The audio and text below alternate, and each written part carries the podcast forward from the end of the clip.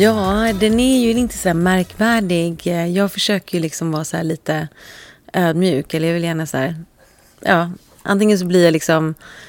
Men jag har en förmåga om att antingen så blir jag liksom så här, drabbas av typ högmod och blir så här, lite narcissistisk i liksom eh, mina requests. Eller så blir jag så här åt andra hållet och bara nej men det går bra med lite vatten. Så, här. så jag försöker lägga mig någonstans mitt emellan. Ja. Eh, så att nu har jag då en flaska bubbel, en flaska vin, lite öl och lite så här. Så. Eh, grönsaker med dipp och frukt. Mm. Och lite veganskt godis. Det får inte vara gelatin och sånt där som jag är vegetarian och så. Så att det är liksom det som finns. Lite så här eh, chips och lite så här, inte OLV. Det är lite så här eh, special special. Men jag tänker att det är ju mer det som folk brukar vilja ha idag. Liksom. Man vill att det ska vara liksom så fräscht som möjligt och så. Och det är väldigt roligt när, när arrangörer följer riden. För då känner man sig väldigt uppskattad. Det finns inget tråkigare och något som liksom än att man kommer liksom till ett gig och liksom gjort sig till och gjort sig i ordning och så kommer man dit och så är det bara så här, eh, här har du en, ja, någonting. A poke in the eye with a burnt stick. Ja, typ. Men har den alltid sett likadan ut eh, genom din karriär så att säga, eller har den förändrats? Nej, men när, det, när man började så här, då, hade man ju, då fick man ju lite hybris och var så här, Aha, rider. Ja, då ska vi se vad vi kan pusha liksom. När man låg liksom etta och sådär överallt, då, då passade jag ju på liksom och så här typ. Och hade liksom lite alla möjliga konstiga requests. Så. Men det var, det var ju liksom då. ja, nej men jag kommer inte ihåg vad det var. Men, jo, men den har förändrats. Ja. Vad kul Therese, vi är igång med Hitfabriken. Välkommen! Tackar, tackar.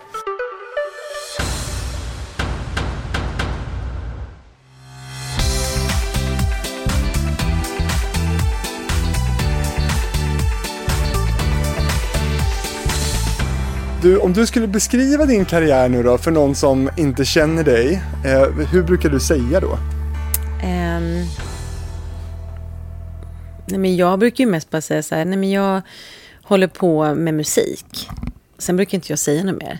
För att jag eh, är så jävla svårt att så här bara, ah, jag är artist, låtskrivare, eh, jag är kändis eller typ så. För att jag känner mig liksom inte Innan så har det varit att, näst, alltså innan var det så att alla kände igen en. Eh, nu är det så att folk är lite osäkra. Och då brukar jag tycka att det är skönare att bara säga så här, men jag håller på med musik. Liksom. Antingen så känner folk igen och vet att vem jag är och så säger, säger no more, liksom, säger inget mer så, inget märkvärdigt. Liksom. Eller så är det någon som säger någonting. Och när någon säger någonting, då kan vi sätta igång och prata om det. Liksom, typ. Annars brukar jag bara säga att jag håller på med musik. Du nämner inte Billboard ettan liksom? Nej, jag gör ju inte det. Jag, jag, eh, jag vet att det kan säkert så här, det kan säkert det är säkert någonting igen det här med den här falska ödmjukheten liksom. Eh, att jag liksom på något sätt tycker att jag eh, skryter om jag liksom börjar så här. Eller så är det bara att jag är så jävla inpräntat den här jantelagen. Jag är så svensk helt, helt, helt enkelt. Jag har skitsvårt. Jag borde egentligen flytta, liksom, bo lite i LA tror jag. Det skulle ha en bra liksom, balans på det här med jantepersonligheten. Liksom, så. Ja, Nej, du har inte gjort det då? Nej, jag, jag, är, jag är för uh, blyg liksom, och där, rädd att folk tycker att jag skryter om jag håller på sådär. Liksom. Skitjobbigt. Sen men svensk... får jag att folk säger så här, men du måste säga det här, liksom, nu, så här marknadsför dig själv. Och då typ bara, nej, nej. Ska jag bli så här, då blir, då blir det liksom så här konstlat och fejkat. Nej, mm. jag vet inte, jag har svårt för det. Ja. Men den svenska jantelagen kan man säga sitter i dig då, trots att ju din karriär verkligen har, har, har lämnat Sveriges gränser vid många tillfällen. Man får inte skryta, det är ju jättefult. Uh, fy, dumma, dumma. Men du då ändå som har jobbat mycket utomlands, tänker jag. Eh, tycker du att du skiljer dig väldigt mycket från dina liksom, artistkollegor till exempel i England då? Eh, du menar ja, på, på så vis? Ja. Mm, ja, men absolut. Liksom så. Men jag, jag tyckte att jag fick en nice liksom cutting edge till min personlighet när jag flyttade till eh, London. Att jag liksom blev lite mer så här, well you know, och liksom så här, blev lite mer liksom eh, ja, lite mer liksom proaktiv i det, liksom att jag pratar med mig själv. För jag, alla är annorlunda utomlands, de är väldigt annorlunda. Där också, de bara kom igen liksom, berätta nu. Ah, och bara liksom lyfta fram och sådana saker. Jag tycker att det är väldigt nice, jag har ingenting emot det. Men nu är det så att jag råkar bo i Sverige och här är många som verkligen har emot det. Och jag är väl antagligen så, eh, så svag så att jag eh, låter mig påverkas av det så mycket så att jag går omkring och känner mig allmänt kränkt och nedtryckt. jo! Och bara nej, nej, nej, inte ska jag komma här och komma. Mm, typ. Men, men du då som har bott i London och haft en, en, en, karriär utomlands, hur ser du då på, på det som man slarvigt brukar kalla för, för det svenska musikundret och som jag träffar ju mycket i, i hitfabriken. Hur ser du på det begreppet och att vi svenskar har utmärkt oss på det sättet utomlands? Nej, men alltså, vi, har ju, vi utmärker oss på många sätt. Jag måste säga så här, jag tycker väldigt mycket om oss. Liksom. Vi är ett ganska, vi är ett väldigt säreget folkslag. Liksom. Vi är otroligt komplexa och, och sådär. Jag vet att folk, jag vet att en indier sa till mig när jag var i Indien, så där, you, you Swedish people, you got a very, very complicated ego, sa han. More complicated than Indian people. Rätt intressant. Mm. Där kan man ju tänka liksom en väldigt här spirituell, att man inte skulle ha det och så vidare. Men han menar på att det var tvärtom. Men att vi, vi svenskar är väldigt komplexa så. Men just vad det gäller musik och musikundret och det här med att vi liksom levererar. Det har ju liksom med någonting annat att göra. Det är ju att vi liksom å andra sidan är otroligt duktiga på att göra musik. Eh, väldigt, väldigt jävligt duktiga. Men varför är just vi det? Ja men det där kan man ju spekulera i och det där vet jag inte liksom om det där hänger ihop med att vi måste bevisa oss i allt. Jag skojar. Eh, nej, jag tror att det är någonting, liksom, vi vet inte, det kan ju vara någonting som i vattnet liksom, vi dricker eller ligger under marken, någonting som pyser upp liksom, som ger så här, kreativ energi och jävligt så här liksom, nej men man vet inte, vad, vad vet man? Folk liksom har olika mm, teorier om att det skulle vara att vi har så lite att göra, att det är mörkt och så här, men jag, jag tror bara liksom att, att liksom, vi, vi, vi, är, vi är väldigt duktiga på musik. Mm. Och du är ju en del av det här, ju, det ja, svenska nej, musikundret. men det är jag ju inte. ja, jo, men det är jag ju visst. Jaha, okej då. Men du, hur, hur känner du nu? För nu ska vi snacka en timme liksom, om din musikkarriär. Hur känns det för dig då, du som känner dig lite jante? Ja, du kallar mig Therese Jante Granqvist. Istället för Drömhus? ja, gud vad roligt. Um, hur jag känner för det? Nej, men det är jätteroligt. Alltså, när vi sitter så här, jag har ju inga problem att prata om min karriär. Liksom. Nu är det ju liksom... Vi har ju, gjort, mm, liksom, vi har ju avsatt tid för det här. Liksom. Att nu får jag ju prata om mig, och mig, mig! Eh, och det är jätteroligt. Liksom. Det är jättekul att, att få, att få liksom, prata och göra intervjuer och sådär. Det tycker jag är kul. Jag är stolt över min, det jag har gjort. Liksom. Det ska du vara. Eh, det finns ju då eh, lite olika delar i din karriär som vi nu ska prata om. Vi kommer ju prata eh, till att börja med lite om, om Drömhus, men så finns det ju framförallt då Therese Solo. Så vi får dela upp det lite, men jag tänker ändå att vi ska börja lite och, och, och beta av det som var Drömhus ändå. Vad, hur, hur använder du ens begreppet eller namnet Drömhus idag? Eh, jo, men det gör jag ju. För det var ju så här liksom att 90-talet kom ju tillbaka.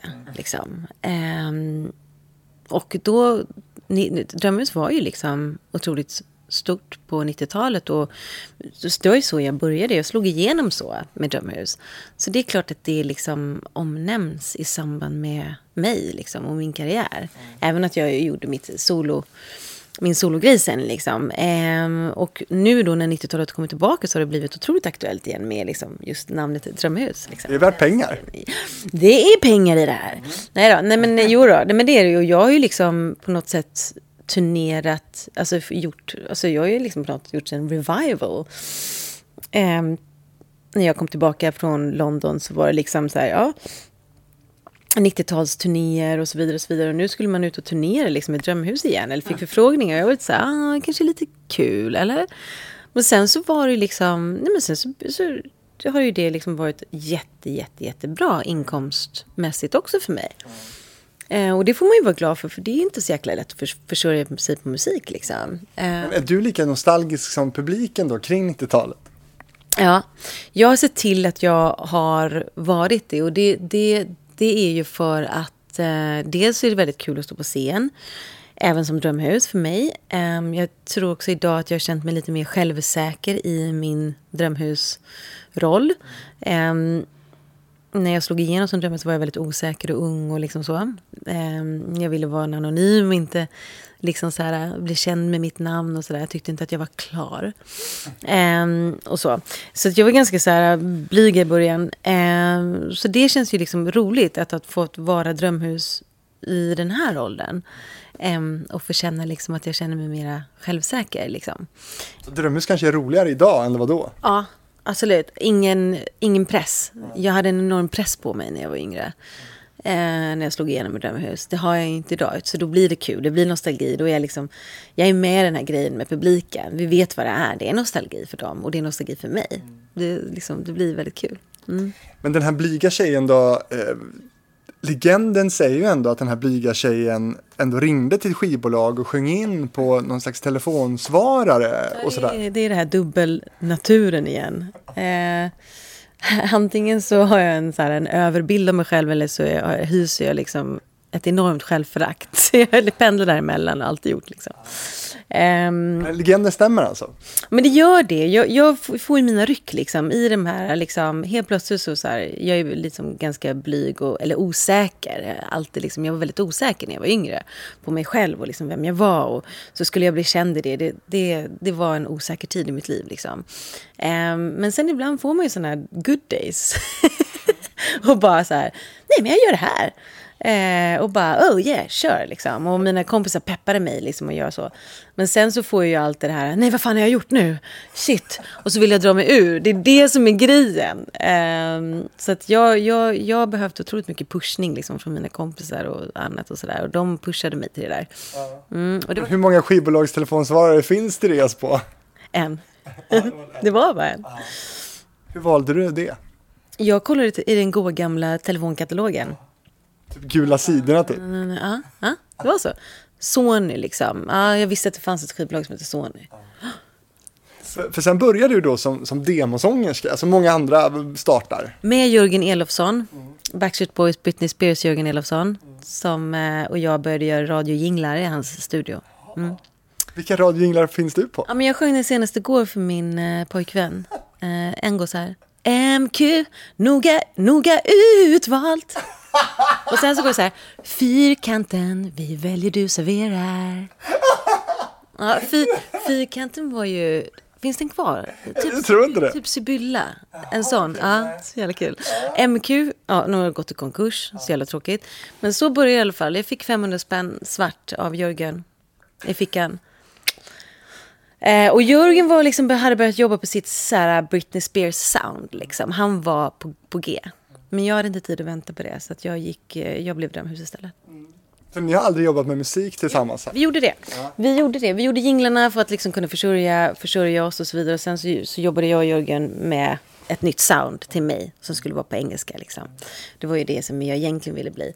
Men sen så, så drabbades jag av girighet eh, och och bara hade för bråttom. Liksom. Jörgen var så här, fan alltså. Vi har någonting på G. Liksom, fatta det. Liksom. Och jag bara, nej men jag måste ta det här nu. För nu var det liksom, bara hängde för näsan från kontraktet liksom med Drömhus. Jag ångrar inte det. Men det var kul sen när jag träffade Jörgen på Grammis. Några år senare. Och han bara, ja men det gick ju bra för dig också. Liksom. Han är en jävligt nice kille. Och vi så skrattade lite liksom så här. Han var ju lite besviken på mig liksom. Tyckte att jag, ja du vet. Vi hade en grej på G och sen så gick jag till Almo så här. Men sen så gjorde han ju sin grej och det gick gick ju jättebra. Liksom. Han blev super mega stor liksom. Det var lite tufft, men samtidigt som sagt, man ska inte ångra grejer i livet. Men då så sa jag, det gick ju bra för dig med liksom. Och det, det gjorde det ju. Mm, och så, men så tänker jag så här, undrar hur det gått om jag hade stannat kvar med Jörgen?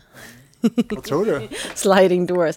Nej, jag tror att jag hade hamnat, hamnat snett eh, i Hollywood. Nej, jag skojar. Nej, men jag hade säkert gjort en Britney. Jag hade rakat av huvudet och fått ett när som en brott liksom, på paparazzis. Why not? men har du kontakt med Jörgen idag? Nej, jag har inte det. Men, eh, men jag gillar Jörgen jättemycket. Det var kul. Jag har inte träffat honom sedan dess faktiskt. Mm. Han sitter säkert och myser med sin familj någonstans i något stort hus. Men den här Therese då, som, som ändå var i lindan av någonting där, vad, vad hade du då för, för drömmar? Du blev lite girig säger du när, när det viftades med skivkontrakt, men vad ville du? framförallt, liksom. jag hade inte tid att vänta ja. på något som jag inte visste skulle bli liksom. Ja. Men det blev ju sen. Eh, fast inte med mig. Eh, vad sa du? Vad, förlåt. Dina drömmar liksom. Ah. Vad, vad, ville du? Jag ville bara bli popstjärna. Jag hade ett enormt behov av att få bli liksom, jag ville bli popstjärna eller skådespelerska i Hollywood. Antingen världens största popstjärna eller världens, en av världens mest etablerade liksom, eh, Hollywood-skådespelerskor. Ja. Så det var liksom de grejerna. Eh, jag var intresserad av musik, jag var intresserad av att få uttrycka mig. Liksom sådär. Oftast går ju det lite hand i hand. Då. Men sen så fick jag göra musik, musikvideos och det blev ju liksom som att spela in en slags film också. Liksom. Men det är ju också en jätterolig kontrast till den här blyga Jante-Therese. Mm. Men det är ju det här som är grejen oftast med artister. Vi har ju det här lite dubbla personligheter. Eh, det är många artister som har ett alter ego, liksom, där du får leva ut allt det här. Liksom. Eh, när du är på scen så känner du dig otroligt självsäker, även för mig. Liksom, att så. Men privat så har jag alltid känt mig helt annorlunda. Liksom. Mm. Spännande. Du, och sen så var det eh, Dr. Alban tydligen som övertalade dig och, och med projektet Drömhus, var det så? Mm. Nej, det var det inte, utan det var Joakim Stenhammar. Mm. Eh, för att eh, Alban, han är ju lite så här, han var ju liksom, han hade ju sin grej. Eh, sin musik, han var ju megastor liksom. Han hade ju turnerade och, och sådär. Eh, Joakim Stenhammar var ju ehm, Arcade. Arcade distribuerade Dr. Records och Joakim Stenhammar ville signa Drömhus. Mm. Ja. Så att eh, han ville liksom, Dr. Records var de som liksom skapade akter och liksom tog fram artister och sen så ville då jo, Joakim signa. Mm. Eh, eh, så så var det. Mm. Så då signades jag till Arcade Music. Mm. Och Drömhus var inget soloprojekt från början? Nej, det var inte det. För att jag sa ju då Eh, för det var två killar som hette Jorge och Joa som gjorde första låten, du och jag, och I mina drömmar. Eh, och de... Vi tre då skulle bli liksom gruppen Drömhus. Eh, och sen så... Eh, det passade mig jättebra för jag var så här nej men jag vill inte att det ska vara, jag vill inte synas. Och jag så här, solglasögon på första, på första omslaget, där, lite så här inkognito och lite inte liksom få synas eller mitt namn då. Eh, sen så övertalades jag nog mer och mer och liksom bara kände så här, nej men fan det här var ganska kul. Eh, och då gjorde vi de, eller vi det tillsammans i ett soloprojekt liksom. Och killarna var mer så bekväma bakom liksom. Mm. Och då är vi någonstans 97 då när, när Drömhus släpper Du och jag och också då I mina drömmar som också mm. blev en, en, en, liksom en halvhit i alla fall. Berätta lite om Du och jag först. Mm. Du och jag, det var, det var, roligt för det var Mika Delika, en kille som eh, jag faktiskt har jobbat med nu nyligen igen, eh, som gjorde den videon. Eh, han, gjorde, han har typ gjort allas videos. Ja, han är grym, han är grym, han är otroligt duktig producent. Eh, han gjorde videon, eh, vi spelade in den i Tantolunden, vi hade ingen budget, så, att, liksom, så här, jag skrattar så mycket när jag ser den. Och då var det ju vi tre liksom.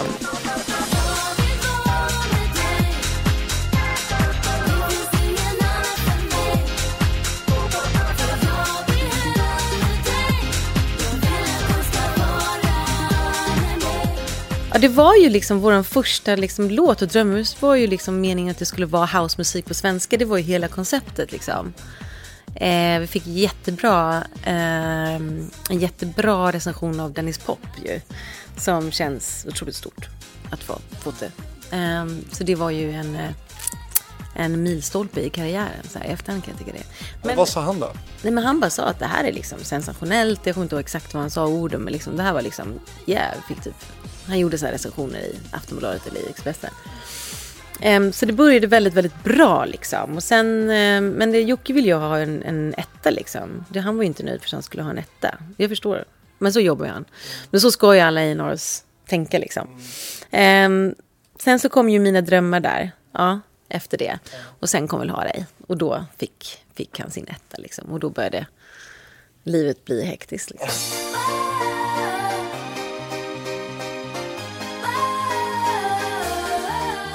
Men vad hände med boysen? Nej men de fick gå tillbaka till studion och hålla på där för det tyckte Jocke var bättre. Liksom. Mindre människor att hålla reda på. Jag antar att han tyckte att det räckte med en. Ja. För 98 kommer då eh, Vill ha dig som blev en, en otrolig hit. Alltså, förvånade det dig? Jag tror det. Men å andra sidan, jag, menar, jag var ju liksom helt ny och fresh liksom, i musikindustrin. Liksom, var så här, oh. eh, visste knappt vad en cover var. Jag bara, ska man sjunga in en annans låt? Liksom? Jaha, ja. Mm, och sen så vart den liksom jättestor. Nej, men jag vart förvånad. Ja. ja.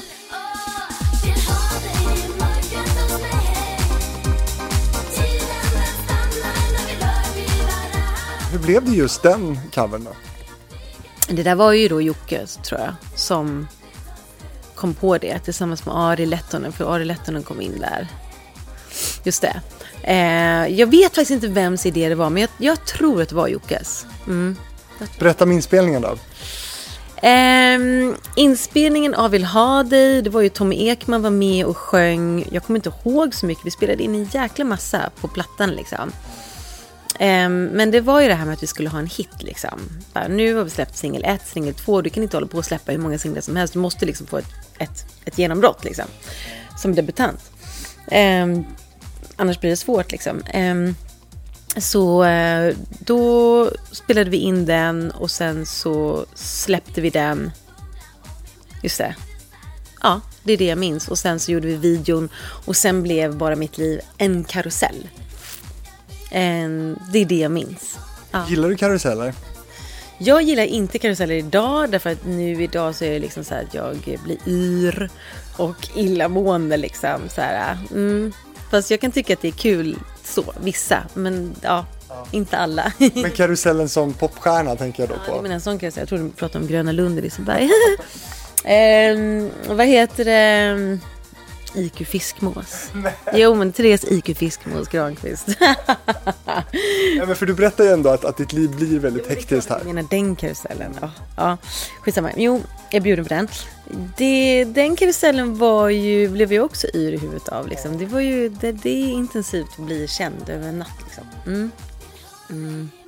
Så det, det var blandade känslor. Um, framförallt så var det ju det här med en utbrändhet som inte var så där jätteut utpräglat då. Eh, men jag tror att jag led någon slags... Det blev så. Det vart ju liksom mer eller mindre utbränd för att det var så jävla mycket jobb. Och, och säga stopp fanns liksom inte på kartan. Det var ju bara att köra liksom. Um, Jobbade du fast att du var utbränd då? Ja, men jag, jag menar, alltså, man körde ju bara. Jag, jag var 20 liksom. Det var bara kör det fanns inte det här med att vila och liksom ta det lugnt och sådana saker. Det var ju liksom, nu ska vi smida medan järn, järnet är varmt. Liksom. Men, hur mådde du då? Nej, men jag mådde nog bra. Jag tyckte att det var kul. Jag var trött. Liksom. Det är sådär. Och jag har pratat med, med andra liksom, artister som har varit i samma situation. Och det är en gemensam nämnare, liksom, att vi var trötta. Man är trött liksom eh, när du turnerar, spelar in album. Eh, det var liksom, jag vet inte om det är så idag, om det tillåts att vara det på samma sätt. Så jag, jag tycker ju själv att så fort man läser om det att det varit liksom någon som bara så här, bara liksom exploderat så kommer det nästan som ett så här, en efter, ett efterskalv. Liksom. Ja, så här, artisten är utarbetad och utbränd. Liksom tyvärr. Det... Ja, men vad, vad, är det där som, vad gör det där? För jag menar, tar inte skivbolagen hand om sina artister, produkter tillräckligt? Eller vad är det som fallerar? Mm. Vi har ju skräckexemplet liksom och, och det mest tragiska som är Avicii liksom. Eller vad? Um, så då, som det kan bli liksom. Om man inte, om man inte sådär. Jag tror, att, jag tror att det handlar väldigt mycket om att man måste ha bra människor omkring sig. Och framförallt så måste man ju kunna säga stopp själv. Eh, och är man ung och sådär så, så jag tyckte att det var svårt. Så där, man vill ju liksom plisa och vara väldigt, väldigt glad för att man har fått den här chansen och liksom så. Det var väldigt stort. Man har så lite, lite erfarenhet liksom av livet än så länge. Liksom. Kasta sig ut och bara... Oah! Ja, det är svårt. Jag menar, fan, det är ju svårt nu tycker jag att hitta den balansen. Liksom det här med att vila, ta det lugnt och liksom jobba, ha kul och så vidare. Um, och Och då var det ju ännu svårare. Liksom.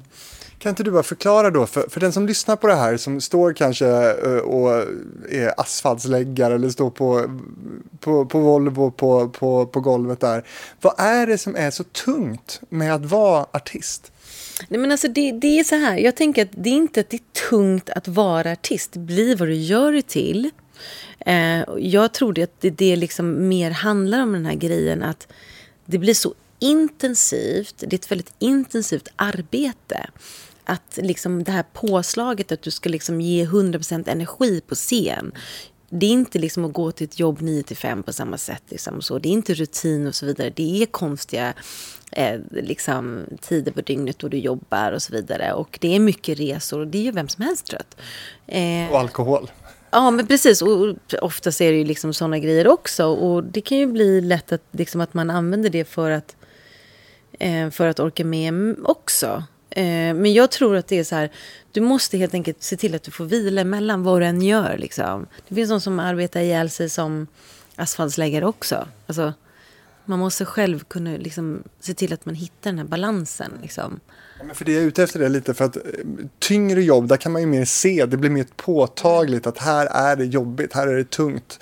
Eh, men för artister, för den som står utifrån så ser det ju väldigt glamoröst ut, man står kanske och gör en, en konsert en timme, sen är man klar liksom. Mm. Men så är det ju inte. Nej. Nej, men det är inte det. Det är inte det. Om det hade varit så så hade det inte varit någonting. Liksom. Sen finns ju de, jag menar jag vet ju, alltså Def Leppard och liksom de, de flyger ju så här first class, de har ett, alltså ett enormt team runt om sig. De behöver inte göra mer än att typ sitta på planet, gå av. Sen har de folk som fixar allting. De skjutsas upp till scen, allting funkar, det är sällan strul.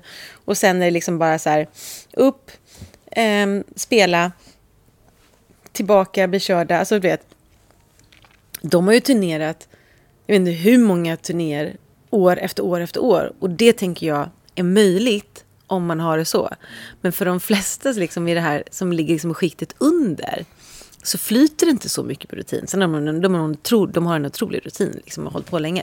Så jag tänker liksom att så här, ska man liksom klara av det här livet så är det nästan att man ska vara där på den nivån. Liksom. Sen finns det ju de som, alltså jag vet ju de som, är liksom, som turnerar hela tiden och bara reser runt själva också. Uh, och sådär. Jag, jag, undrar hur de gör det. Ja, mm. Ja, men jag undrar hur de gör det faktiskt. För att jag skulle, in, jag skulle inte palla det. det, det man måste, jag måste ha breaks, liksom så här. Turnera sen, ja. Men det har verkligen börjat hända saker för dig här då i slutet av 90-talet och det första albumet Drömmar sålde guld och, och toppade listorna då framförallt i Norden. Levde du redan här, liksom, drömmen? Mm, men det gjorde jag ju. Liksom. Det här var ju det som jag hade drömt om i hela mitt liv. Um, fast det var ju väldigt svårt där liksom. Jag visste ju inte riktigt hur det skulle vara. Mm. Um, sådär. Så, uh, men jag antar att jag gjorde det. Liksom. Men jag, var ju, jag hade ju liksom börjat bli liksom popstjärna. Det är klart att jag njöt också. Det gjorde jag. Mm. Jag tyckte det var kul att alla kände igen mig och liksom blev populär. Och folk ville köpa min musik. Och, ja, men det var ju fantastiskt. Mm. Jättekul. Ja, en dröm som gick i uppfyllelse. Det är ju liksom... Det är ju ett fenomen i sig. Ja.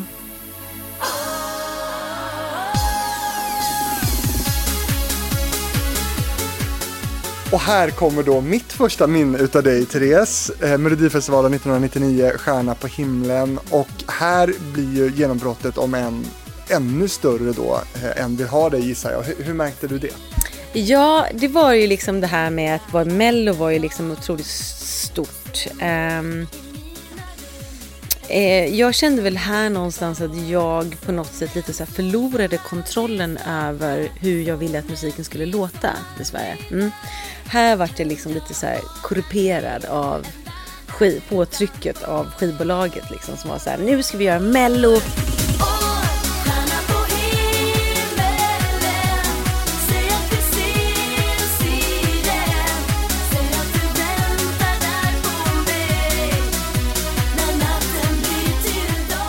jag hade ingenting emot Mello. Men jag ville ju göra det här med housemusik och tyckte att det var kul. Liksom. Det ville jag. Um, så där började det här lite, liksom det här, mm -hmm, okej, okay, nu vill de det här och helt plötsligt började jag känna liksom så att jag hade ingen kontroll över min egen karriär längre typ. Och bara nu ska vi göra mello och bara in här och bara och jag bara kände att det blev liksom jättestort och, och shit, massa miljoner tittare och bara, uh. Men det var ju spännande. Det var spännande fast det var läskigt också. Samtidigt lite vemod att känna liksom att ja, men nu, nu, nu är vi, gör vi det här istället. Liksom. Från att ha varit så lite... Ja, för jag ville ju göra det här liksom, med house och dansmusik. Det var ju det. Och sen helt plötsligt kände jag men det här är ju inte, liksom, det här är inte house. Det här är ju, låter ju inte så houseigt. Det här är ju slager liksom. Ja, men hur hamnade eh, Stjärna på himlen hos dig? Mm, men det var ju någon som hade skrivit. Det är ju han som hade skrivit den. Heter han? Var inte det Anders Danvik? Jo, jag är nästan säker på det. Ja. um, och den var ju liksom klar. Uh, och skivbolaget hade ju liksom en plan hur de skulle liksom lansera det här. Eh, och, och sådär. Och det var ju, det var ju liksom, den var ju klockren. De hade ju liksom så här, nu ska vi köra mello, liksom efter vill ha det här nu så behöver vi det och liksom så här. Um, Minns du när du hörde den första gången? Ja. Men jag tyckte så här, jag var okej okay, den här är inte li lika cool. Jag var lite såhär, men vill ha det. Jag var liksom så här, vi, jag tyckte också, jag bara en cover, ah, den här var inte så himla lika cool som du och jag och mina drömmar. För där var det mer liksom så här, jag tyckte väldigt mycket om hur det lät liksom då. Sen när vi gjorde Vill ha det så var jag såhär, okej, okay, ja nej men kul, jag vill ju också liksom att det här ska bli stort och så. Mm. Men det var hela tiden den här lilla konflikten i och med att jag faktiskt alltid har varit liksom väldigt intresserad av musiken jag har gjort, liksom, även där. Jag var inte bara någon som kastades in som en, ett ansikte i ett projekt utan att liksom vara, vad ska man säga, med eh, vad ska man säga, delaktig i musiken och liksom ville stå för det och sådär. Jag antar att jag kände att jag hade någon slags integritet som jag ville faktiskt bevara. Eh, så det var lite så slitigt. Det var lite så gnabb mellan mig och Jocke och sådär. Och det är den här konflikten, liksom, man ville, ville plisa samtidigt som man ville behålla den här integriteten. Men det var lite svårt. Kommer du ihåg vem som sjöng på demon? Nej, det gjorde jag inte. Salin. Var det Salin? Anna? Mm. Herregud, ja men du ser, vi går in i varandra alla vi artister. Det är roligt. Ja, just det. Eh, så... Någonting du måste minnas i alla fall, det är ju den här enormt långa trappan i scenografin som du ska gå ner för. Om, om jag minns den. Jag minns den för att jag hade ett par jäkligt eh, höga klackar. Även om vi hade safeat upp det så var det en sån här klack du vet som ändå sitter ihop. Är du med mig? Som var typ som en, vad heter de när de, platå, fast den var smal. Skitsnygg, jag älskade skon, jag älskade klänningen, älskade looken. Var är klänningen idag? Eh, fan, jag förstörde den. Jag tror att den, den förstördes i kemtvätt. Nej. Jo, den var från Armani. Och eh, de här pärlorna som var här smalt. Ja, jag vet inte, jag skulle nog inte få på mig den idag liksom, tyvärr. Nej, jag tror inte det. Man lämnar väl in på kemtvätt för att det ska gå ja, lugnt och fint till? De förstörde liksom den. Ja, så jäkla hemskt. Men den finns alltså inte kvar då? Nej, den gör inte det. Jag skrotade den. Jag var så himla ledsen så jag var så här, jag kan inte se på den. Jag slänger. Ja, ja hemskt alltså. Mm. Men jag kommer ihåg det och jag kommer ihåg att jag skulle gå ner för den här trappan. Det var jättenervöst. Ja. Lite hjärnspöken där antar jag? Ja men det var, det var ju det liksom att sjunga, eh, sjunga liksom att alltså, hålla tonen och sen så liksom trappan, det var ju det liksom. Och klara den här, åh jag saknar dig. Ja du vet hela den där. Ja nej, men det var mycket, det var mycket nerver. Mm. Det här finns ju på SVTs Öppet arkiv om man vill titta på, på hela Melodifestivalen 99. Är det sant? Ja. Nej, kul! När gjorde du det senast? Jag har inte gjort det. Finns det på tv så jag kan kolla? Har du aldrig sett det? Jo, alltså själva uppträdandet. Ja. Men du menar att finns det, finns det backstage-grejer och sådana saker också? Nej. Ja, det vet jag inte, men hela programmet. Ja, liksom. ha. Nej, det har inte jag sett. Inte hela programmet, men jag har sett mitt framträdande på YouTube. Men det skulle vara kul att se. Ja, det ska jag kolla på. Mm. Men du spelar du den fortfarande? Det måste du väl göra? Ja, gud ja. Eh, och sen så har vi mixat om den och det finns en skön remix på Mina drömmar som jag tycker har funkat väldigt bra. Eh, som jag har kört mycket ute och så på klubbar och så. Ja, ja. Men eh, vinnarlåten det året då, eh, Charlotte Nilsson med, med Tusen och en natt, det gick ju väldigt bra. Vad gillade du den? Du kom ju tvåa. Eh, ja, precis. Nej, men, alltså så. men som sagt, jag var, jag, jag, den, enda som jag, den enda som jag tyckt om har ju varit liksom Abba och Carola från Slager. Jag är egentligen inte sådär jättetokig i slagermusik. Liksom. Det finns de som är det. Jag är inte det. Sen har jag varit med där. Eh, men det är inte för att jag har enbart låtit slager om just liksom, eh, Melodifestivalen. Eh, just det året så var det ju bara så här att det var den låten vann och den tycker jag var väldigt slager. Så att jag förstår att den vann. För att eh, den var mycket mer slager än vad eh, Stjärna på himlen var. Hade du velat vinna då? Mm, nej. Jag var väldigt nöjd med min tvåa. Jättenöjd. Och skivbolaget var jättenöjd också. Det var lite där, alltså, att det var liksom lite bra. För att, då, för att annars hade jag nog... Det hade nog varit väldigt svårt för mig att, bli, att fortsätta vara en pop, popstjärna eller en popartist. Eh, nej, om jag hade vunnit slager för då hade jag tror att jag hade blivit mer slagerartist då. Charlotte vann ju sen Eurovision, hade du också kunnat göra det? Ja, det hade jag ju säkert kunnat göra, fast Nej, det tror jag inte. Inte med Stjärna på himlen. Nej. Nej, jag tror inte det. För det som man minns var ju lite just som du säger, Charlotte var ju den, den mer liksom traditionella ja. dansbandsschlagern så. Och, och, du kändes ju som det liksom moderna. Mm, precis, och det är det, det som kom sen så att säga. Och jag tror att de har, att det, liksom, att det är så att den här liksom balansen mellan det är det som folk vill ha. Men sen i det stora Eurovision så tror jag i alla fall att det är det traditionella som ändå är det vinnande konceptet liksom, och det som ändå folk röstar för. Men det var med många roliga 99. Kommer du ihåg vilka du tävlade mot där? På, på Stockholmsmässan i Älvsjö. Nu. Det var väl... Det var... Eh, vad heter han? Pontare? Ja. Mm. Charlotte. Jag. Var det Jill Johansen? Nej. Magnus Karlsson var det. Nej. Nej men gud, alla fel. Martin. Martin var det ju, just det. Just det. Det var ju så här att det här var det inte så att det här var första gången det vart mer pop i slager. Ja, ja. De behövde nog liksom tufsa till Mello lite ja, efter ja. 98 och de här sena 90-talsåren. Det var en del popakter som var med. Någon som inte var så poppig som var med och tävlade mot dig då, det var ju Christer Björkman. Nej men gud vad kul! Var jag och Christer med i samma tävling? Ja, ah, det var då ja. ja gick inte så bra för honom. då. Mm. Eh, men du, eh, vad lyssnar du på idag liksom?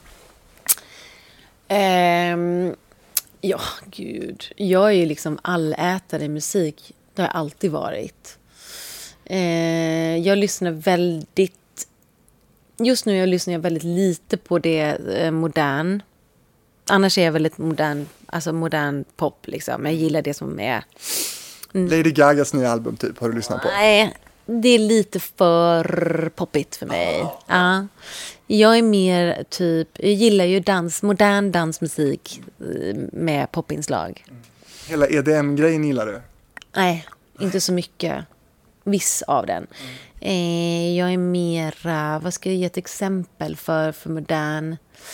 Mm, jag gillar en och annan som kommer in på listorna ibland. Typ så här. Jag gillar den där Roses. Den där... Ja, du vet den där. Mm. Det är en sån låt som jag typ bara, oh, den där måste jag adda på min playlist. Eh, så det är mycket så här, lite på danslistan tror jag. Sånt som kommer in på, på poplistan ibland som jag tycker om. Typ så. Eh, men sen är det en annan så här, ren och skär popdänga som jag verkligen fastnar för. Just nu så, så är jag inte så mycket mycket och liksom letar. Utan det är lite så mycket gammal musik som jag lyssnar på just nu. Jag lyssnar mycket på Daft Punk igen. Mycket på Goldfrapp, för att hon har ju haft jubileum nu. Att det var, jag tror att det var typ 15 år sedan hon släppte sin första platta. Och jag är ju ett väldigt stort fan av Goldfrapp. Eh, så att mycket sådär, liksom, lite gammal dansmusik har kommit tillbaka. Så här. Lite basement jazz och lite Daft Punk lyssnar jag mycket på nu. Eh, och Goldfrapp. Det är min playlist nu. Mm. Du... Den slags musiken gillar jag. Mm.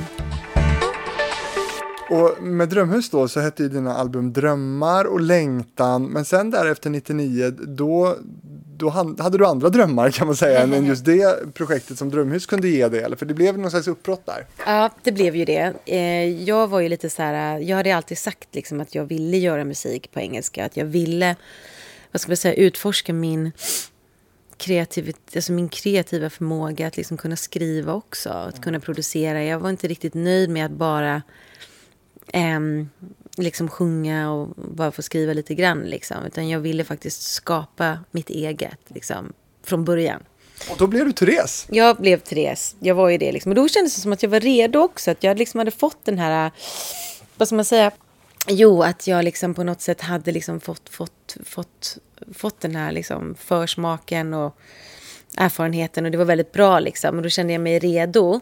Mm. Um, jag var inte lika naiv längre liksom som artist och sådär. Jag hade fått smaka på hela kändisskapet, grejet och sådär. Jag var väldigt, jag var väldigt angelägen om att få utforska mig själv mm. mera som låtskriverska och eh, artist och liksom var jag kunde nå någonstans. Så ville ju bort från Sverige. Jag kände mig lite klaustrofobisk. Mm. Jag, Jante, Jante, Therese hade inte riktigt, jag kände mig inte riktigt bekväm i, i det. Mm. Och, så. och jag tror att det är bra för svenskar, en del faktiskt som svenskar, att faktiskt ut och komma utomlands lite. För då, det kanske är bra för vem som helst, att man kommer bort från sitt liksom, sitt eget för att sen uppskatta det. Mm.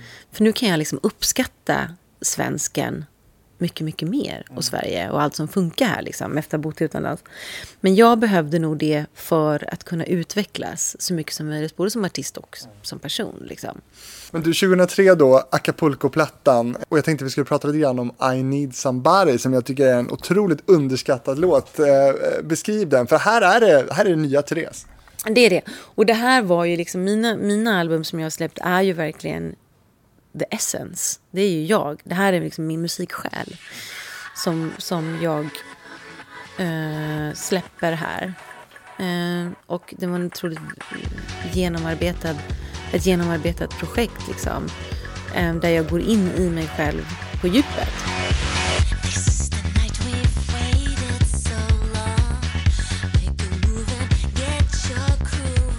Och liksom tillsammans med Claes då som senare blev min mentor. Jag har varit det liksom. Eh, Klas? Klas Wahl. Mm. Otroligt duktig. Eh, och vi gör ju det här då eh, med, på en label som heter Tretjak på Universal och får liksom fria händer. Och min fantastiska A&R på den tiden, Niklas Rune, som eh, gav mig liksom, som trodde på mig. Som var så här, liksom gav mig nytt liv liksom i, i, i det här liksom musikaliska. Och bara, du får göra vad du vill. Här har ni en, lite pengar och bara det var ju på den tiden det fanns pengar. Liksom. Ja. ja. Men det är ju fantastiskt, man måste ju ha någon som, som tror på det. Det var så, och det var verkligen så. Efter så var bara, Nicke sa bara det liksom, hej jag skulle jättegärna liksom jobba med dig. Typ så här, vad vill du göra? Och så satte vi oss ner och snackade och han trodde på mig. Han bara, jag ser att du har talang, jag vet att du har så jävla mycket inom dig liksom. Och det var, det är det man behöver som artist. Eh, och det gjorde så att jag fick, liksom, kunde göra det här. Och träffade rätt folk och de människorna som kunde liksom, jag kunde skapa det här med. Och som lyfte fram liksom de här, det här ur mig. Claes Klas var ju liksom också skitduktig. Liksom. Så de två vart liksom mina så här musikaliska mentorer. Liksom. Mm. Och vi ska prata om en annan då som kommer att betyda ganska mycket för dig, Sten Hallström. Men, men berätta lite om, om uh, I need somebody. I need somebody var ju andra singeln. Vi släppte först så gjorde vi en uh, så gjorde vi bara en så här jätteskum grej. Liksom. Vi fick ju helt fria händer. Så vi ville ju bara latcha och experimentera och göra roliga grejer. Liksom. Så vi släppte först en white label på typ 50, 50 kopior som hette Everybody Say Oh. Mm. Och det var ju bara så här. Eh, jag vet att eh, Alistair Whitehead spelade den. Och han var ju liksom, han är ju en, en, en legend liksom i, i Storbritannien och inom dansmusik och som har haft sin egen eh, sin egen eh, sin egen lista liksom. Um, och sen så vet jag att Kalle Dernulf också var lite så här eh, nosade på det här och tyckte att det var spännande och kul. Så vi fick liksom bra backup. bra hype där från början av de här människorna. Och det var ju de vi ville åt liksom så här. Och Sten också, vi hade de här liksom så här. De vill vi, så här, det var våra så här, targets. Ja, och så ville vi till Storbritannien, så var det ju. För, för vad som var med Claes var ju att han delade ju jag ville ju hitta någon som ville göra samma musik som mig. Som hade samma influenser. Eh, och det hade Stene. Eh, eller förlåt, så Klas. Eh, och, så då gjorde vi Monkey efter det. Eh, och var bara, så här, bara för att liksom, bara få lite reaktioner. Liksom, bara kolla vad som hände. Testa lite. Liksom, så här, testmarket. Eh, och det gjorde vi på vinyl. Och sen så, så gjorde vi Monkey. Eh, och Stene var tillfrågad av att göra en remix på Monkey. Och så efter det kom I Need Somebody. Mm. Ja.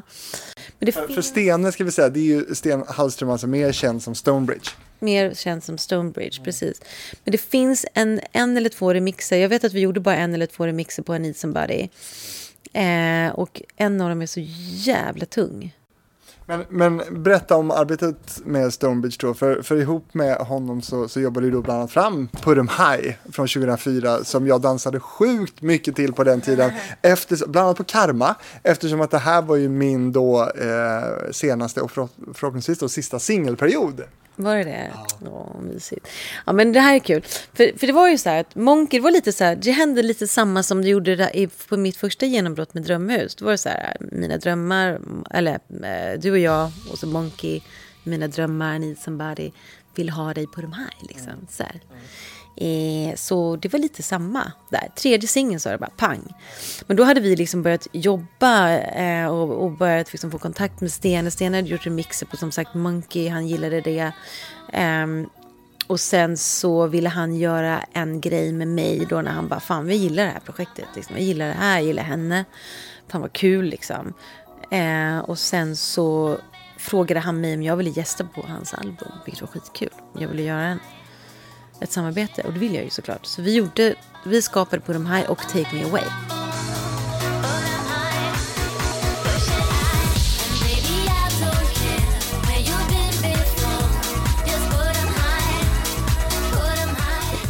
Och Sten hade ju, liksom, han hade ju en, en eh, ett, ett, album, en album eh, ett, ett kontrakt med Headcandy som hade signat honom och skulle släppa sin platta. Och det var ganska då var det ganska ovanligt för en DJ att släppa en platta. En hel platta. Så han, den plattan är ju Can't Get Enough. Den är ju hur jävla bra som helst. Jag älskar den. Han har ju alla möjliga där. Det var ju liksom... Och Head Candy var ju liksom super hypat liksom på den tiden. Med Head Candy Parties och... Och den här världen var ju bara så här, oh, det var för mig var det liksom bara det var ju heaven, liksom, dit skulle jag, dit ville jag. Liksom. Det var liksom precis exakt där. Så det var ju så här, om, om liksom själva, drö själva drömhusgenombrottet var liksom så här, ja det här var en dröm. Så var det den här drömmen som var den stora drömmen. Det var det. Och liksom klubbarna, det var precis där jag ville. Och jag började liksom få leva i den här, min, min dröm liksom. För att Klas sa så här, Therese, ska du göra det här så måste du äta, sova, andas dansmusik liksom. That's it. Om du liksom verkligen ska eh, göra det här på allvar. Liksom. Och på de här blir ju en, en klubbklassiker. Jag berättade ju för dig innan att jag satt ju på någon bar i, i Bangkok här i vintras och mm. eh, taggade dig när de spelade den till exempel. Och, och det blev ju en Billboard-etta då på, på deras Men, Dance Club Songs. Precis. Eh, gud vad ivrig jag blev. Du fick ja. knappt prata klart. Eh, det var ju så här att, vad jag skulle säga var ju så här att jag var ju i London jättemycket det här. Liksom två år innan på de här slog, slog igenom och hamnade på Billboard. Flög första klass? Ja, det gjorde jag inte, inte då. Då flög jag Ryanair och kom, kom knappt hem ibland. Men eh, så här, eh, då var det ju att den, vi började ju liksom att jobba den med Head Candy DJs. Um, ehm, började spela den här jättemycket ut och så vidare och fick, alltså vi gjorde ju ett, ett, ett, ett hästjobb liksom. För de trodde på den här så jävla hårt. Och vi fick inte med Radio One från början. Eh, och det var ju en, liksom en superbesvikelse. Men den här låten hittade, hittade, in, hittade sig själv in, hittade in på poplistan nummer åtta ändå. Utan Radio One. Och det typ hände nästan aldrig. Så det, det, säger, näst, det säger väldigt mycket om, om Put Em High. Vad det var för låt. Liksom. Att folk älskade den här länge.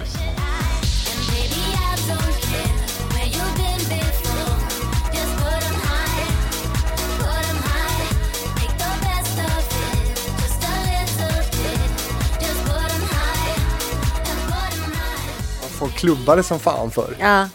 Och sen fick vi jävligt bra remixer på det också. Axwell, både Axwell, Ingrosso och eh, Steve Angelo gjorde ju remix på dem. Precis i början av sin, när det började liksom så här hända för dem också. Så det var liksom att vi började bubbla här, Stene och jag, där, där, där, den. Och sen så hade ju de det. Det vart liksom ett sånt jävla bra, det vart så jävla bra med den singeln helt, helt enkelt. Ja. Verkligen. Och vad gjorde den här framgången med dig där då? Jante-Therese menar jag. Ja men då, ja, då slängde jag Jante liksom och bara, nej men jag har inte... Nej, I'm this now. Eh, uh, yeah, this is my new me.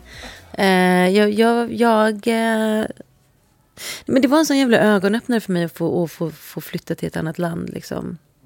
Ja, verkligen.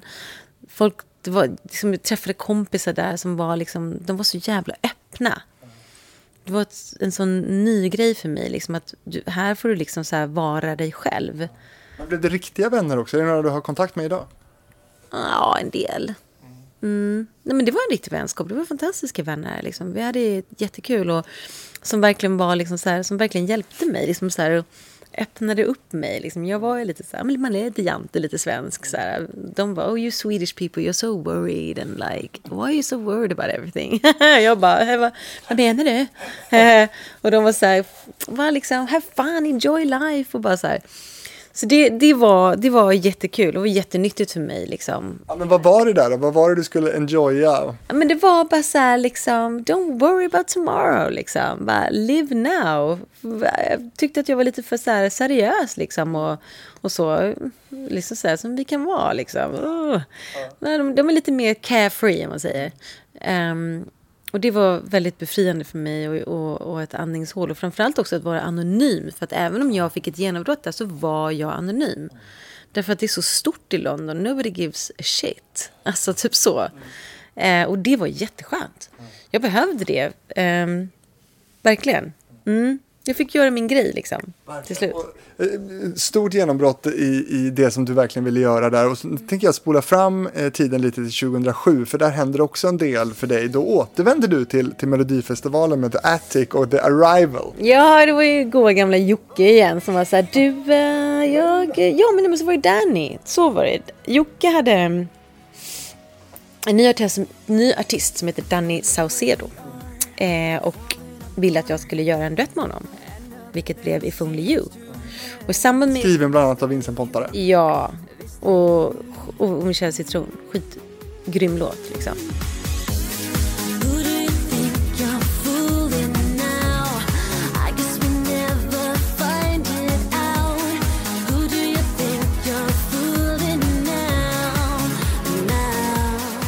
Eh, så det var jättekul. Och jag var så här, men det kan vi väl göra liksom. Gud vad roligt. Så här, för jag åkte ju väldigt mycket, jag var i Sverige liksom.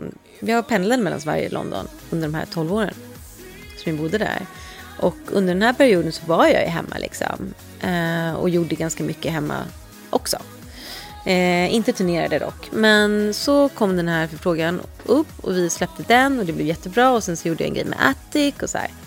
Vi gör ju bra musik. Det är kul att jobba med svenskar. Det är skitkul att jobba, göra äh, musik i Sverige.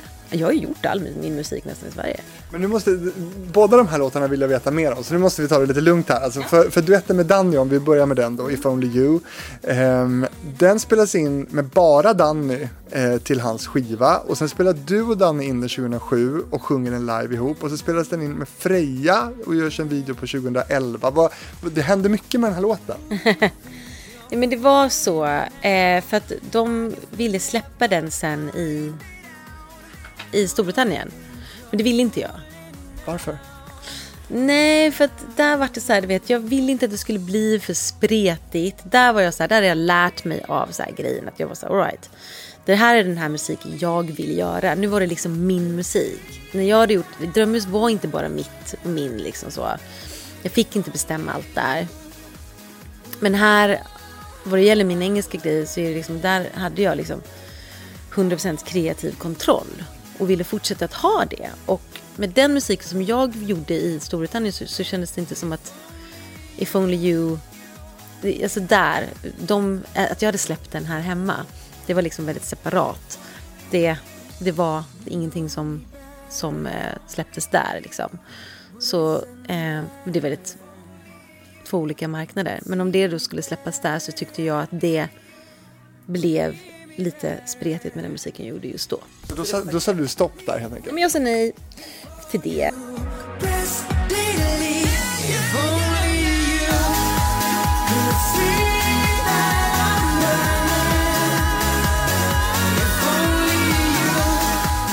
låter ju så gammalt också för idag så hade väl allt funnits bara liksom på Spotify eller så här. Ja men det känns gammalt men det var ju så då. För det var innan Spotify. Så det liksom, då var det så här, då, var det liksom en sån grej att man liksom att man resonerade så. Så då fick Danny byta sångerska helt enkelt? Ja men de gjorde det. Ja. Och så, så, så. så det var liksom på G där och la la la och så. Det var ju inte för att vara stroppig eller liksom tycka att jag var bättre och så. Det var bara att jag liksom, det var, det är fortfarande en väldigt fantastisk låt. Men jag kände också att jag hade gjort den och att jag hade min karriär där. Och hur jag ville bygga min karriär där var bara liksom, den musiken jag gjorde var lite, bara lite annorlunda, liksom, ett annorlunda sound. Men sen då Melodifestivalen med, med The Attic och The Arrival.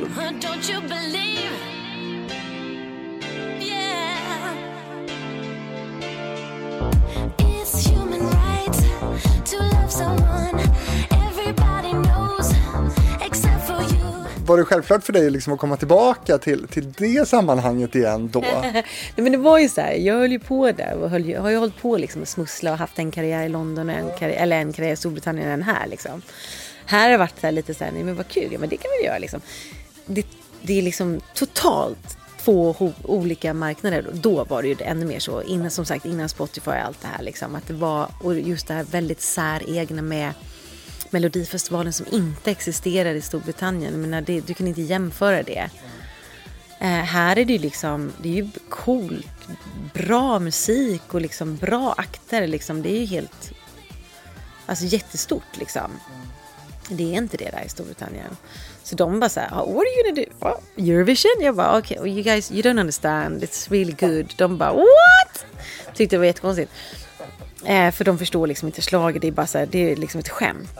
Eh, men jag gillar ju The Attic och som sagt igen, jag är liksom så här, tycker att, när jag tycker att det är kul, någonting jag känner för, men då gör jag det liksom. Det var någonting kul, något som jag kände för. En bra låt framförallt. Jag gillar den jättemycket också och, och den går dock inte vidare då från sin, sin deltävling, Nej. vilket jag tyckte var jättemärkligt. Det var ju lite en besvikelse, måste jag ju erkänna. Eh, vi kommer liksom sjua. Eh, jag tyckte det var ett fantastiskt snyggt framträdande, alltså visuellt. Alltså det var eh, Rickard Engfors som hade gjort liksom hela produktionen. Som var, jag snurrade omkring där på en skiva, han hade stylat mig och ja, jag var väldigt, väldigt nöjd med det. Bra låt.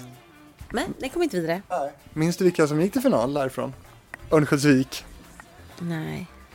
Måns Zelmerlöw? Ja men just det, Karamia. Såklart. Och Sebastian, Idol-Sebastian. Ja, du ser ju vilka jäkla...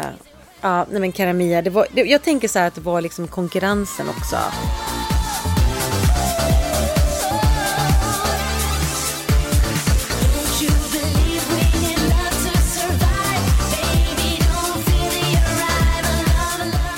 Men har du skickat in mer låtar till Melodifestivalen under den här tiden? Eller var det just de här som, som du varit med och tävlat med som, som blev? Faktum var att The Attic skickade in den här utan att jag visste om det.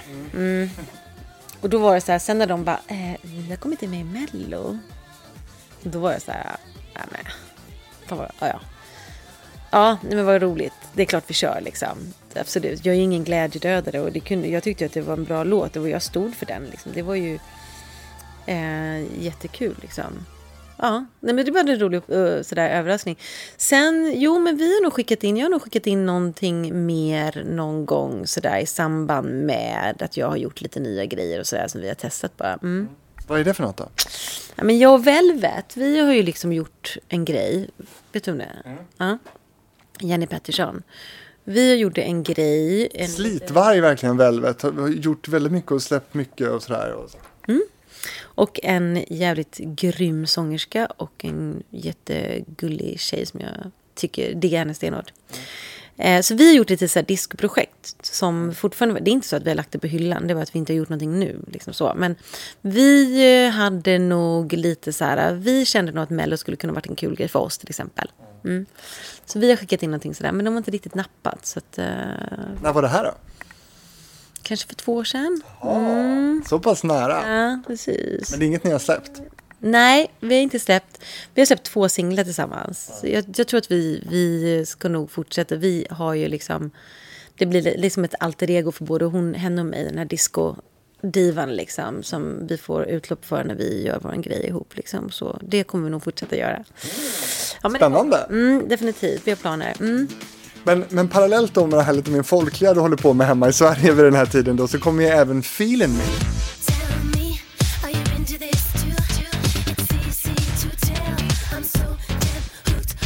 Det är en av de få låtar som jag har spelat in i Storbritannien med eh, brittiska producenter. Ja. Det är också en otrolig favorit till mig. Vad, vad väcker den här låten för minnen för dig? Ja, men så här var det ju. Eh, efter Put 'em High och Take Me Away som var liksom dundersuccé i Storbritannien, båda topp 10. Mm, så var det ju så att de ville ha en tredje singel.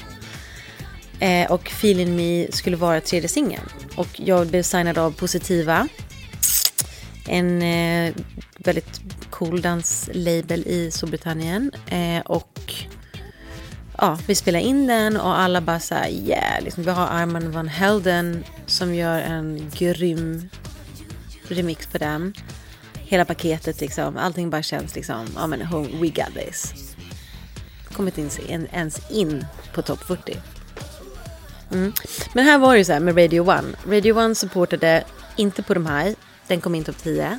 Addade på de här ett år senare och spelar den fortfarande. BBC 2 och BBC One. Ehm, ja, BBC, BBC One spelar fortfarande på de här. Addade Take Me Away med en gång. Take Me Away eh, kommer in som nummer sex, högre än på de här gjorde. Trots att det inte ens var i närheten av samma hit. För att Radio One. Så man kan ju liksom säga vad som hade hänt om Radio One hade supportat på de här. Mm. Ja, det är mycket besvikelse i livet som man ska behöva. Ja, men skitsamma. Så, men de, de hakade inte på filmen.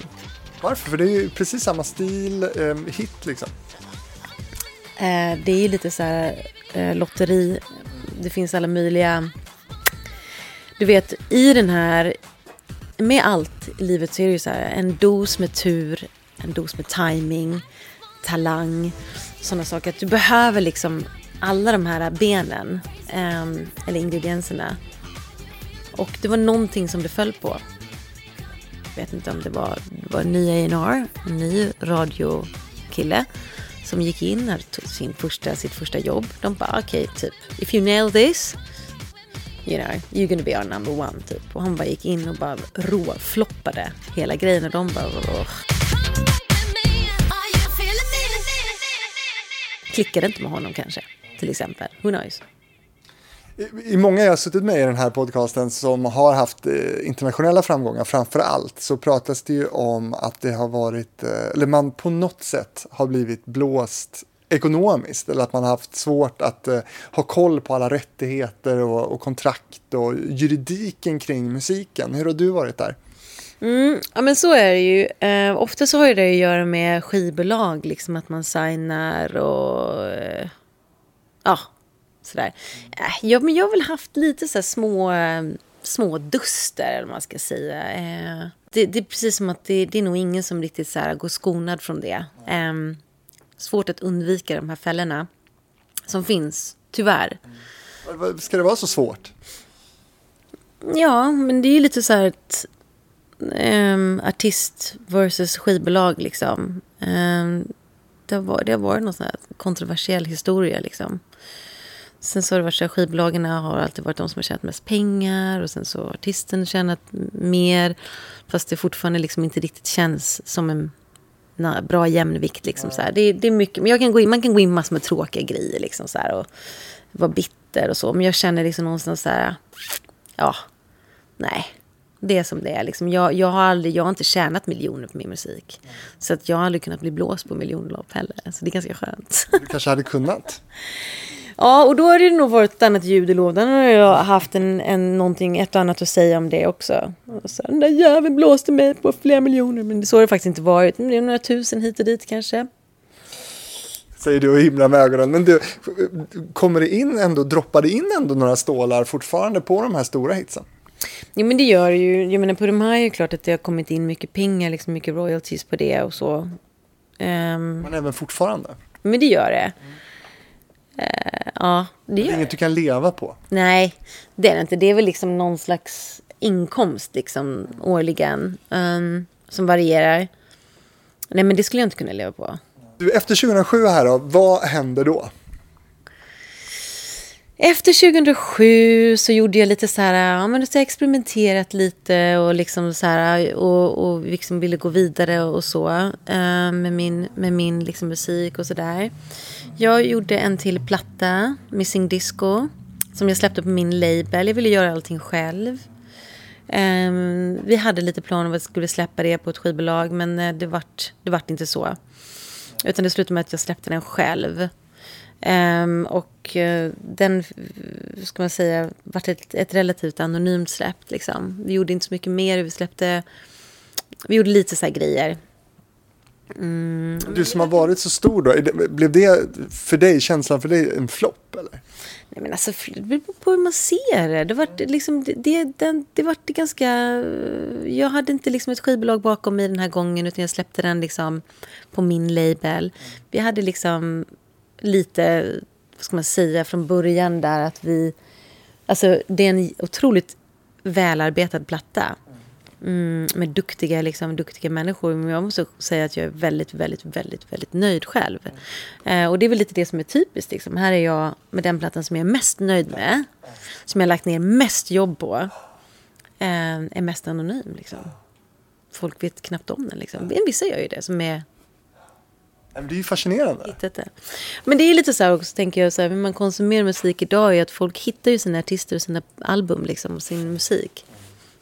Man kan liksom vara ute och leta själv nu. Så att den finns ju där. Missing Disco. Mm. Men det, var, Precis, lyssna. det var lite så här, det var ju lite så här, lite vemod i det där. Jag tänker att det var liksom titeln också, Missing Disco. Och att det var liksom lite så här, att jag på något sätt gjorde något slags avstamp där. Liksom, att nu tar jag en break liksom och släpper inga mer plattor och liksom det här. Eh, mm. Så det, det har inte blivit någonting sedan 2015. Nej. Hur mycket är du ute och giggar idag? Sen har jag ju turnerat. Sen jag, jag släppte den plattan, som man säger engelska. För det var så här, det var liksom så här. Den släpptes. Jag flyttade hem till Sverige när jag, när jag släppte den. Släppte min sista platta 2015. Flyttade hem till Sverige. ehm, och blev ett med 90-talet igen liksom. eh, och haft skitroligt och bara så här, "Jaha, nej men nu är jag i drömhus igen. Ja, fan vad kul liksom. Bara, nu är det festivaler och 90-talsvågen liksom. Så jag har kört det.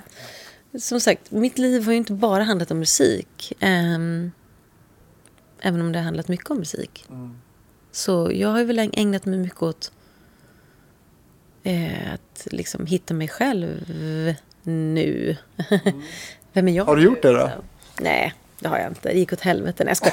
Nej, men inte så. Nej, men alltså, vad ska man säga? Fastän det var en ganska så, så stor omställning att komma hem från flytta hem från London efter 12 år. Liksom, och, så här, vem är jag nu? Liksom. Eh, pratat engelska mycket, även om jag har ju liksom inte varit helt borta från Sverige. Men det är klart att, att det var en omställning. Liksom. Men fick du en identitetskris? Men det tror jag. Fast det nog berodde nog inte bara på det, utan det berodde nog på vet, den så kallade 40-tal- 40 40-årskrisen. Liksom. Mm. Jo, men det fick jag nog. Man ska ju gå igenom de här grejerna i livet. Liksom. Så även jag. Um, vad, ja, liksom så här. Och det hänger ihop med musiken med. Liksom. Klart att jag hade kunnat göra en platta i det här. Liksom. Alltså, jag har ju fortfarande gjort musik när jag har gjort musik och när jag har gjort plattor innan så har det varit att då har jag spenderat ungefär två år att hitta mitt sound. Och jag tror att det är det jag gör nu, att jag håller på att hitta mitt sound och förbereder mig för någonting eventuellt liksom, som jag ska släppa nu. Och det hänger ihop med att jag måste känna liksom, vem jag är nu och liksom, så här, vad, vad vill jag, hur vill jag låta idag? Liksom, så här. Så här skitpretto. Hur vill jag låta? Det är så som alla låter, så det kan vi inte vara så jättepretentiöst ändå. Men du bor i Nyköping idag. Eh, måste man inte bo i Stockholm då, eller en stor stad för att jobba med musik? Alltså jag tänker så här, ju längre ut i på vischan man bor, desto bättre blir musiken. Det är bara någonting som jag känner liksom att jag i skapandet liksom. En duktig jävla medproducent i liksom naturen. Fast gärna blandmiljö också. Så har det varit med de andra plattorna. Vi har varit i London, vi har varit här, vi har varit, ute, vi har varit uppe i Norrland i någon studio. Liksom, och jag gillar det där. Jag gillar hela den där processen. Det är lite det jag söker nu. Att jag liksom ska göra det här. Liksom, och då kommer det nog bli liksom lite blandat. Eh, och jag kommer absolut att släppa det på min egen label. Det kommer inte bli liksom hype och sådana saker. Utan jag kommer liksom... För nu har människor en helt annan öpp- frihet och öpp, öpp, öppet liksom kunna hitta sin musik. Liksom. Nu kan du bara göra det. Och det, det känns som en, en enorm frihet faktiskt. Sen vad det gäller radio och sådana saker. Men jag, jag är så långt ifrån det där nu. Liksom så här, och så. Men det får man väl hitta någon som... Man får väl hitta någon som vill liksom, så man kan få ut musiken såklart. Jag har liksom blivit en bekväm lant, lantis som gillar att gå i gummistövlar. Och sen har jag liksom den här lilla ådran av glam. Men den är så pass liten så att det räcker med en weekend i Paris eller i London eller kanske här, bo på bankhotell eller någonting. Liksom. Sen är jag klar. Sen vill jag tillbaka till vischan. Och Stjärna på himlen, det var ju trots allt ett annat årtusende. Ja men det var det. Och det var så kul då liksom. Jag tror att idag om jag skulle tycka att det är roligt liksom, så, här, så, så blir det nog att släppa musik på ett helt annat sätt för mig idag. Liksom. För att jag ska känna passion och tycka att det är kul. Liksom. Berätta nu till sist, Therese, vilket tillfälle, eller vilka tillfällen som du har känt dig då mest som en, en stjärna? Eh, ja, men det var, jag måste ju säga, liksom top of, top of the pops. Billboard. Eh, ja, Head Candy World Tour. Världsturnén. Eh, Pasha, Ibiza. Eh, Supermarché, Ibiza. Eh, de momenten, liksom, det, det, är liksom, det är så fl- flamboyant som det kan bli. Liksom. Och långt från gummistövlarna. Väldigt långt från gummistövlarna. Där har jag någonstans fått dem. Miami, Miami, gig och parties och sådana saker. Um, Melodifestivalen, stå på den där stora scenen, Stjärna på himlen, det var också en grej. Ja, det var ju Älvsjömässan, så, så jättestort var det inte. Nej, jag menar det. Men det var stort när det var så många tittare, du förstår. Ja, men det, var- men det finns såna där grejer. Ja, alltså man har känt sig som en riktig stjärna. Ja, ja, absolut.